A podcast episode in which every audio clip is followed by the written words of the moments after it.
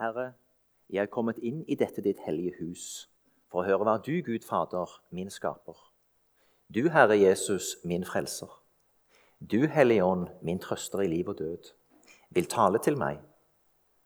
Herre, lukk nå opp mitt hjerte ved din Hellige Ånd, så jeg av ditt ord kan lære å sørge over mine synder og tro i liv og død på Jesus og fornyes dag for dag til et hellig liv. Det hører og bønnhører du ved Jesus Kristus, vår Herre. Amen.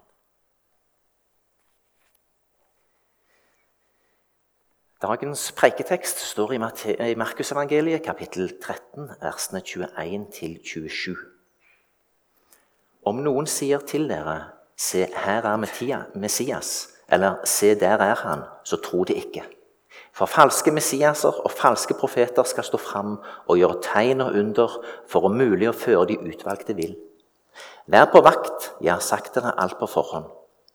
Men i de dager, etter denne trengselstid, skal solen bli formørket og månen miste sitt lys. Stjernene skal falle ned fra himmelen, og himmelrommets krefter skal rokkes. Og de skal se menneskesønnen komme i skyene med stor makt og herlighet. Han skal sende ut englene og samle sine utvalgte fra de fire verdenshjørner, fra jordens ende til himmelens ytterste grense. Herre, vær med oss og åpenbar ordet ditt for oss.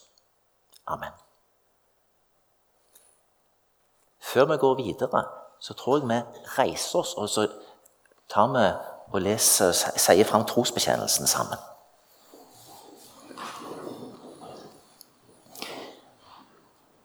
Jeg tror på Gud Fader, den allmektige himmelens og jordens skaper. Jeg tror på Jesus Kristus, Guds enbårne Sønn, vår Herre, som ble unnfanget ved Den hellige ånd, født av jomfru Maria, pint under Pontus Pilatus, korsfestet, død og begravet, for ned til dødsriket, sto opp fra de døde tredje dag for opp til himmelen, sitter ved Guds, den allmektige Faders høyre hånd, skal derfra komme igjen for å dømme levende og døde. Jeg tror på Den hellige ånd, en hellig allmenn kirke, de hellige samfunn, syndenes forlatelse, legemets oppstandelse og det evige liv. Amen. Vær så god, sitt.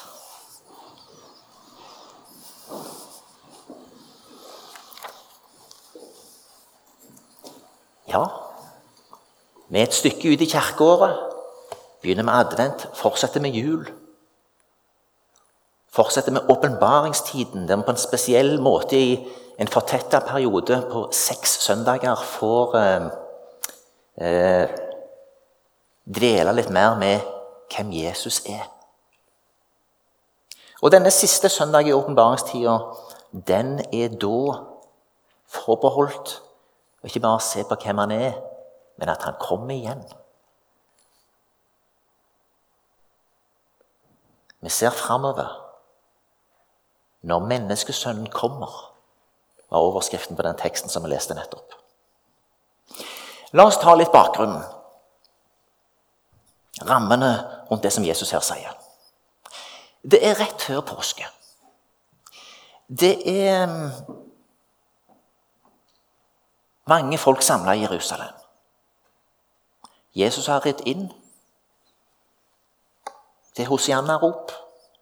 Han har rydda tempelplassen, hedningenes forgård, slik at hedningene kunne få plass.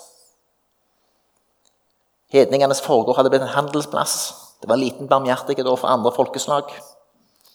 Men Jesus siterer Jesaja 56, 7. Mitt hus skal være et bønnenes hus for alle folkeslag. I kapittel 11 og 12, de eh, to kapitlene som går foran eh, dette kapittelet som vi nå har lest ifra, så har blitt, Jesus blitt utfordra og prøvd å bli fanga i ord av um, oversteprestene, de skriftlærde, de eldste, fariseerne, herodianerne og sadikerene. Mange ulike grupperinger har prøvd å sette han fast. Alle hadde fått svar, kloke svar så kloke at en skriftlærd kommer bort til ham og spør hva er det største av alle bud. Og Jesus svarer, Hør, Israel, Herren vår Gud. Herren er én, og du skal elske Herren, din Gud, av hele din sjel, av hele ditt hjerte, av all din forstand og av all din kraft. Det er det første og største bud.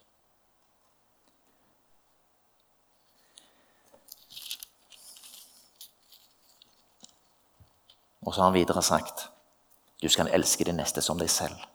Ikke noe bud er større enn disse to. Fantastisk. De første bønnene i Fader vår. Fader vår, du som er i himmelen. La ditt navn holdes hellig. La ditt rike komme. La din vilje skje. De første budene som omhandler at Gud er der. Du skal ikke ha andre guder enn meg. Jesus stadfester budene og Fader vår på en fantastisk måte. Du skal elske Herren din Gud. Men òg det andre sida. Du skal elske nesten din som deg sjøl. Det er både å forholde seg til Gud og vår neste. Jesus har sagt det veldig fint i eh, Matteus evangeliet kapittel 9 og kapittel 12. Det er barmhjertighet jeg vil ha, ikke offer. Og etter han har kommet med denne uttalelsen til den skriftlærde, som var blitt imponert over de andre kloke svarene gitt, så står det i kapittel 12, vers 34 Ingen våget å spørre ham mer. Han har etablert sin autoritet og myndighet. Han har lukka munnen på hele gjengen. Rett før påsketider. Jerusalem er full av folk. Han har virkelig etablert sin autoritet. Og så er vi nå i begynnelsen av kapittel 13. Jesus er på vei ut fra tempelet. Og så er det en av disiplene hans som sier Wow, mester, se! For noen steiner og noen byggverk. Det er enormt imponerende. Det er sikkert en del av dere som har vært her i Israel. Kanskje dere har vært der nede, og så sitter de der enorme steinene. Vet du har vært der. Eh, det er jo bare helt imponerende. Altså Med steiner på 600 tonn som ligger liksom på fjerde nivå. Ikke den nederste steinen. Det, det, det er helt vanvittig. Det er klart de var imponert over dette. Og så sier Jesus noe veldig, veldig oppsiktsvekkende. Ja, ser du disse veldige bygningene? Det skal ikke bli stein til make på stein. Alt skal rives ned. Det er ikke til å tro. Eh, altså, Vi snakker om svære greier her. Vi snakker om at den plassen som er bygd, så de fremdeles holder på å bygge på, skal komme litt tilbake til det, eh, det er den største åpne plassen i antikken. Altså Tempelplassen var 500 ganger 300 meter. Uh, oppi et uh, ulendt landskap. Det krevde noen enorme murer, noen enorme murvegger for å få dette til i et slikt landskap. Det, det var bare imponerende. Og det var òg litt slik at den ene sanne Gud, som var jødenes gud, var anerkjent langt ut forbi jødenes rekker. Uh, ingen hadde en gud som jødene. Én gud på den måten. Så hadde holdt seg i hånd over dem. Og Dette var jødene stolte over, og de var stolte over sitt tempel. Og de knyttet seg veldig til dette tempelet. Det er så rystende, det Jesus har sagt, at når Peter, Jakob, Johannes og Andreas senere sitter på Oljeberget rett overfor tempelet og ser ned på tempelet, så spør de når skal alt dette skje, og hva er tegnet når alt dette skal fullbyrdes?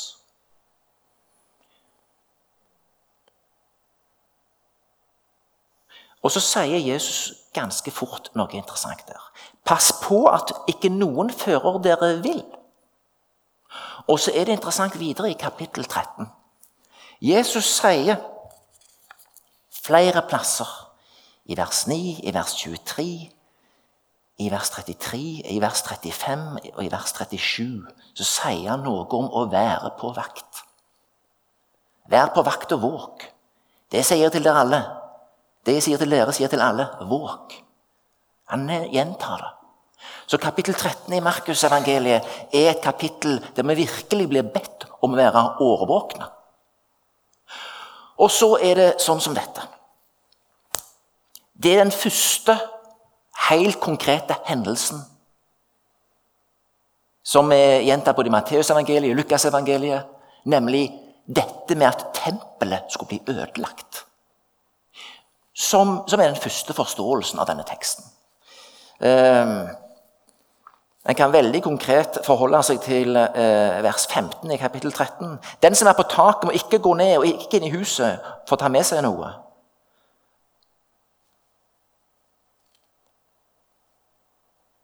For Da må de som er i Judea, flykte opp i fjellene. Og da er det sånn De som bodde langs uh, uh, muren og hadde hus der, der er det sånn Det er ei trapp ned i huset, men det er òg ei trapp som går ned på sida. Men du skulle ikke gå ned i huset. Du skulle bare følge terrassene bortover på de flate takene. Og så skulle du gå helt ut til bymuren, for det kunne du gjøre. Du kunne gå på taket bort gjennom, og så skulle du bare komme deg ut. Du skulle ikke gå ned i ditt eget hus og hente med deg noe som helst. Du skulle skynde deg. En årvåkenhet. Um, og så må vi ta med en ting til med en gang. Jesus etablerer her òg noe i forhold til ikke la dere imponere av det ytre. Mennesker prøver på så mangt. De prøver å etablere imponerende bygg. Imponerende eh, storverk som viser hvor fantastiske menneskene er. Skaper fort en slags stolthet over de som har disse byggene. Jødene var veldig stolte over tempelet sitt, ikke uten grunn. Mange som eh, har fine bygg. Snakket med en kar som har bodd i Sydney noen år. Wow, Sydney, hva er det? Det er operahuset. Flotte bygg, signalbygg. Eiffeltårnet i Paris. Eh, Peterskirken i Roma. Westminster Abbey og, og Parliament i London. Mange flotte bygg. Det er fantastisk å se. Men det er forgjengelig. Selv disse byggene kan bli rusta og rokka.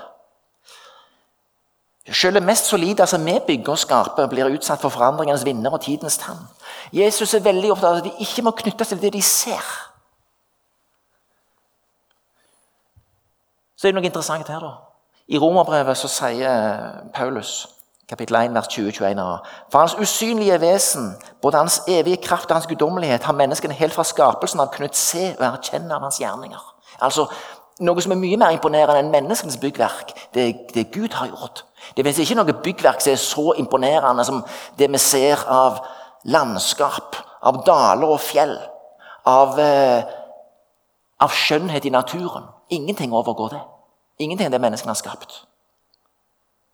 Men der ser det ut for at det er så intuitivt at vi blir veldig stolte og takknemlige over den Gud som har skapt dette. Hans usynlige vesen, både hans evige kraft og hans guddommelighet, har menneskene helt fra skapelsen av kunnet se og erkjenne av hans gjerninger.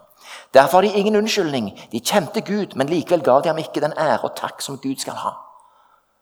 Når det gjelder Gud, så knytter vi altså ikke den storheten som vi ser i naturen, til ham. Men det menneskene sjøl har skapt, det blir vi veldig stolte over. Andre kor 418. Vi har ikke det synlige for øyet, men det usynlige. For det synlige tar slutt. Det usynlige er evig. I tro forstår vi at verden er skapt ved Guds ord, og at det vi ser, har sitt opphav i det usynlige. Hebreerbrevet kapittel 3. Jesus er tydelig med dem. Dere må ikke la dere imponere av dette. Dette er bare noe ytre pakt. Det er ikke det som gjelder. For det spennende er jo følgende. Hva har Jesus gjort veldig tidlig i sin karriere? Han har i Johannes evangeliet fortalt følgende, allerede i kapittel 2, vers 19. Riv ned dette tempelet, og jeg skal reise det opp på tre dager. Jødene knytta seg til tempelet og storheten i det. Men Jesus forteller om et nytt tempel, av en helt annen karakter.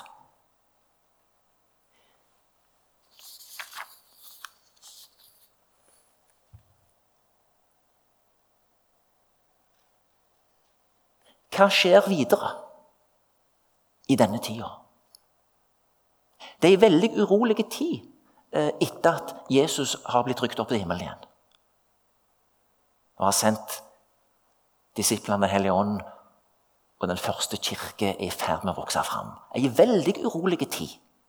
I Jødeland og i Romerriket. Det som skjer ikke lenge etter at eh, Jesus har eh, forlatt jorda det er at det kommer nye romerske ledere. Mens, mens, mens Jesus var der på, på, vandra rundt i Jødeland, så var det to keisere. Han var født i keiser Augustus' i tid. Og så, og så kom Tiberius etterpå. Begge de to regjerte lenge. Han ene i 40 år, den andre i 23. Men etter Jesus har blitt rykt opp til himmelen, så kommer fort Caligula. Det var en gal kar som lagde filmer om. Så kommer Claudius. Så kommer Nero. Og på slutten av den tida, før tempelet faller i grus, så er det faktisk fire keisere i Romerriket på ett år. Og Hvis vi tar fra Nero til Galba og Otto og Vitellius, så møter de alle en brå død. Enten for eget grep eller blir drept. Det er en veldig urolig tid. På den andre sida det er også en veldig urolig tid i Jødeland. Det er partier, det er fariserer, det er sadukerer, det er essenere, eh, det er seloter. Eh, de, de, de, de, tre første gruppene her, de var for så vidt fredelige, men selotene de ville gripe til makt. Det var en litt sånn voldelig gjeng. Og Ut fra de så gikk det en, eh, en siste gruppe som kaltes sikarierne. Knivstikkerne.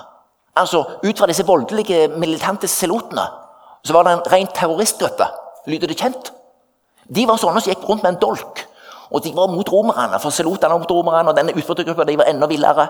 Eh, de blanda seg da gjerne med folkemengder, og hvis det var en sånn romersk sympatisør eller en romer, så kunne de bare stikke han ned. Og så slapp de kniven, og så gjemte de seg i folket. Mange ulike grupperinger, ulike politiske partier. Det er veldig uro. Og det som bygger seg opp etter hvert, det er oppstanden i Jerusalem, som varer fra år 66 til år 70. Og vi må ta litt rundt det. Dette er kjempespennende. Jesus har fortalt dem om noen tegn som de skal følge og se i denne tida. Dette har de bedt seg merke i. Dette husker de. I tillegg så har de selvsagt fått Den hellige ånd. De har fått visdom og åpenbaringsånd, som gjør at de er i stand til å skjelle mellom godt og ondt og forstå seg på tiende. Det finnes noen med profetiske gaver. Det finnes noen med evne til å se dypt inn i, i dype sannheter blant disse lederne. Så når en av disse første romerske eh, hærførerne kommer Gaius Cestius Gallus, kommer i år 66. Da er de kristne klar over wow, nå begynner ting å skje. Rike reiser seg mot rike, folk mot folk. Det er uro på innsiden i Jerusalem, men det er òg ytre uro. Denne første hærføreren blir slått tilbake. Og så sier da altså, historien flere eh, historikere, kristne ledere, som har skrevet om dette når han første var slått tilbake av litt sånn uforståelige grunner, de mente han var litt feig, så rømte de kristne. For de hadde sett tegn om hva som skulle skje. Så de kristne rømte ut av Jerusalem i år 66, 67, 68. Og kom seg til andre byer, eh, bl.a. en by som heter Pella. På andre siden av Jordanelva. De kristne var ikke i Jerusalem. Da Jerusalem ble beleira endelig av eh, Vespasian og Titus. Og tempelet ble brent i år 70. Da har de kristne kommet seg vekk. Dette er til veldig oppmuntring for oss. For det blir følgende Vi har sett noen gå foran oss og tolka tegnene og forstått hva som skjer. Og har fått visdom og åpenbaringsånd. Og kunne se dypt inn i hva som er i ferd med å skje. Og de handla på det. Det skjedde. De var våkne. De unngikk den store katastrofen. Dette er til stor oppmuntring for oss, fordi Jesus har sagt 'Jeg lar dere ikke være igjen som foreldreløse barn'. Vi kommer til dere. Jeg kommer til dere. Jeg kommer til dere med min Hellige Ånd, som gjør at dere kan skjelne og se og forstå. Og denne gaven tror jeg er veldig viktig. Urolige tider. Rike skal reise seg over rike. Folk mot folk. Det skal være lovløshet. Det skal være Ting som var slik før, er ikke sånn lenger. Ting endrer seg. Vær våkne, vær årvåkne. Gjentatt seks-syv ganger i kapittel 13 i Markusevangeliet. Våg å be, sier Jesus videre når han kommer til Getsemane. De sov. De hadde ennå ikke fått Den hellige ånd. De hadde ikke sett dypt inn i hvem Jesus var ennå. Men vi har både fått det som de første kristne hadde, hans ord, og vi har fått hans ånd. Det er kombinasjonen av å ha ordet og kunne se tegnene og lese dem, men òg kunne lytte til Den hellige ånd. Til å ha noen som kanskje har spesielle gaver til å se inn i ting. Og være i en årvåken situasjon der du lytter og ser. Både kan den enkelte kristne gjøre det, og vi har fått noen som har spesielle gaver å utruste. Litt tilbake til tempelet. Dette enorme byggverk som er bygd ja, Det er jo først bygd av Serubabel eh, noen hundre år før Jesus. Etter de kom tilbake fra Babylon. Det er det andre tempel. Men Herodus den store setter i gang en storstilt utbygging i år 15 før Kristus. Og Den varer helt fram til tror det, år 65. Den, den, den fortsetter ca. 30 år etter at Jesus uh, hadde forlatt jorda. De holder på i 80 år å bygge på dette uh, greiene. Og dette er til ettertanke, er det ikke det? Det synlige, store, ytre byggverk som de satte sin lit til. De bygger og bygger i 80 år. Og så vet vi nå i etterkant av historien det går bare fem år, så blir det satt i brann. Og romerne gjør en kjempejobb med å rive ned så mye som mulig, selv om de er bygd på de 80 år. De greide ikke å ta de siste store steinene. De står der, og det, det kan vi reise som turister og se. Men det er likevel enormt å tenke på all den bygginga, og at Jesus sin profeti, eller det han sier, går i oppfyllelse. Det skjer. Dette er jo selvsagt noe som ennå er plagsomt for jødene. Dette, dette var nedturen de luxe. Dette er vondt. Tempelet som gikk dukken. Det var enorme dimensjoner over det. Det var hedningenes forgård, det var kvinnenes forgård, det var mennenes forgård, det var prestenes forgård. Det var forhallen. Eh, det var det hellige, og det var det aller helligste. Syv nivåer. Det var et fantastisk praktfullt byggverk. Men det gikk fullstendig dukken. Her har vi flere ting, og jeg vil gjerne komme inn på det her. Jesus har altså etablert seg sjøl som det nye tempel. Og Paulus sier i første kor 3 vers 16.: Vet dere ikke at dere er Guds tempel, og at Guds ånd bor i dere? Guds tempel er hellig, og dette tempelet er dere.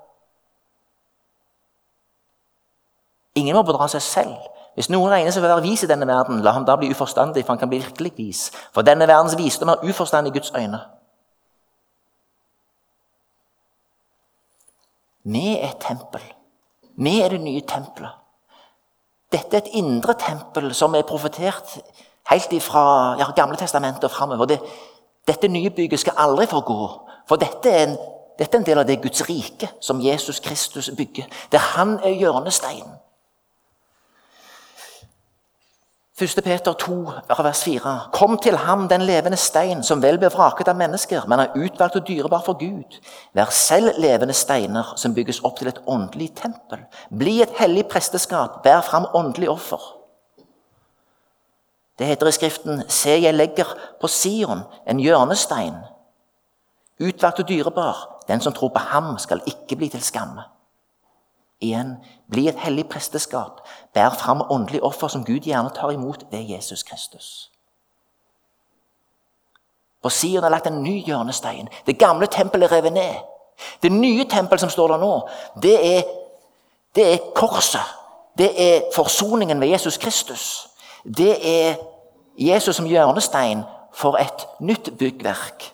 Det nye Guds rike, som ennå springer fram, og som har sprunget fram like fra jeg sier både langfredag, fra påskedag og fra pinsedag.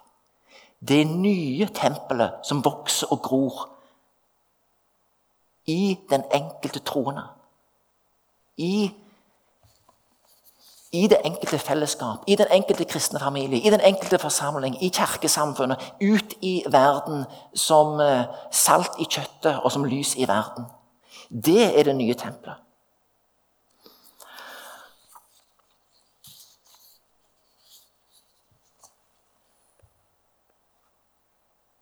Det nye riket er et usynlig rike. Vi må knytte oss til det som Jesus sier. At det er ikke de imponerende byggverkene, men det er dette med det nye tempel, og at han er hjørnesteinen, og at alt dreier seg om å leve i han. Stole på hans fullbrakte frelsesverk. Bli ledet ved Hans ånd. Hvile i faderomsorgen for alle ting. Og få lov til å leve i dette i et fellesskap med andre. Det er å bygge kirke. Det er å bygge Guds rike. Det får vi være en del av når vi kommer sammen på søndag, når vi tilber, når vi ber, når vi lovsynger, når vi bekjenner. Og så er denne teksten da til oss igjen et budskap om å være årvåkne. Hvis vi tar de siste versene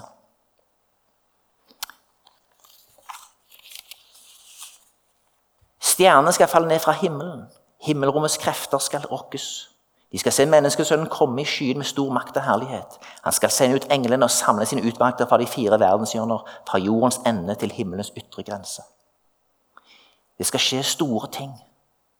Vi kan ta vers 24 også. Men i de dager etter denne trengselstid skal solen bli formørket og månen miste sitt lys. Det skal skje nye tegn. Synlige tegn. Og det skal òg skje ting som gjør at vi skal kunne være årvåkne. Hvis vi leser i Åpenbaringen kapittel 13 Der er overskriften for kapittel 13 draken og de to dyrene. Vi leser litt ut i kapittel 13, fra vers 13. Det første dyret All den makt det første dyret har, bruker det andre dyret et oppdrag for det første. Det får hele jorden dens folk til å tilbe det første dyret, det som hadde fått sitt banesår leget. Så vers 13. Det gjør store under når til og med ild faller ned fra himmelen på jorden, like for øynene på folk. Det forfører dem som bor på jorden, med de tegn det får makt til å gjøre i dyrets tjeneste. Det vil finnes noen krefter som er så mektige at mennesker blir forført. Jesus har innledningsvis sagt falske messias og falske profeter skal stå fram og gjøre tegn og under for mulig, om mulig før de utvalgte vil. I den første tida Jesus henviser til, i forkant av at tempelet faller og Jerusalem faller, så var det en hel del messiaser og la oss si, tryllekunstnere som prøvde med ulike virkemidler å lokke til seg folk. Det var visst en som greide å lokke ganske mange mennesker ut i en ørken når de omkom der ute. Det var mange mennesker som ble forført. Dette med forførelse og det at noe eller noen krefter skal greie å lokke folk vekk fra den ene sanne Gud, eh, det er et veldig alvor. Her trengs visdom. Og Det som er veldig viktig, er, å bevare følgende og forstå. Den hellige ånd er sannhetsånd. Vi har fått Den hellige ånd i oss. Vi har fått evne til dømmekraft. Lever, vi lever ikke ut troen er et vakuum. Vi lever ut i et fellesskap sammen med andre kristne, der ulike nådegaver styrker hverandre og blir levende steiner og bygges opp til et, til et uh, hellig tempel. Men det er viktig å samles og dele, slik at vi ikke lar oss bli unødig redde. For Jesus sier først og fremst 'frykt ikke'. Men vær våkne.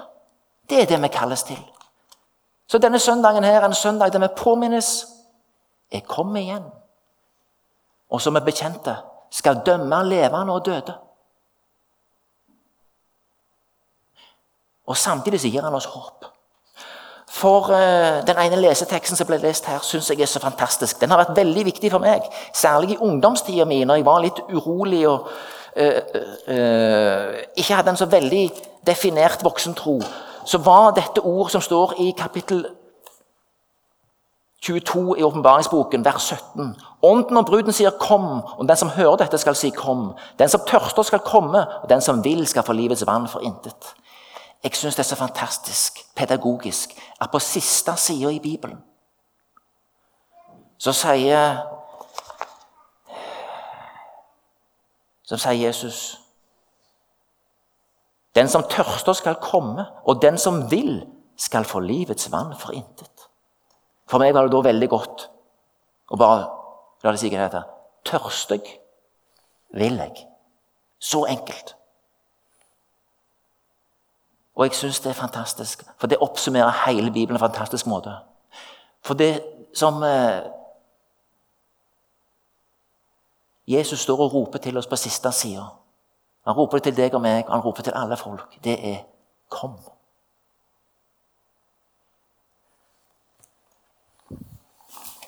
Jeg leser litt fra en salme.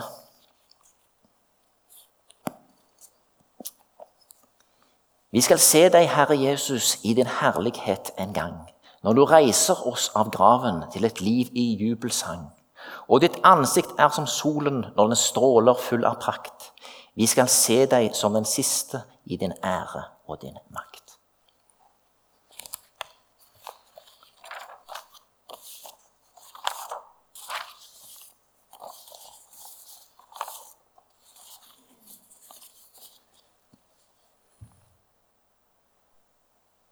Kom, Herre Jesus. Kom inn i mitt liv. Skap i meg et rent hjerte. Gi meg en ny og stø ånd. La din gode ånd lede meg. Amen.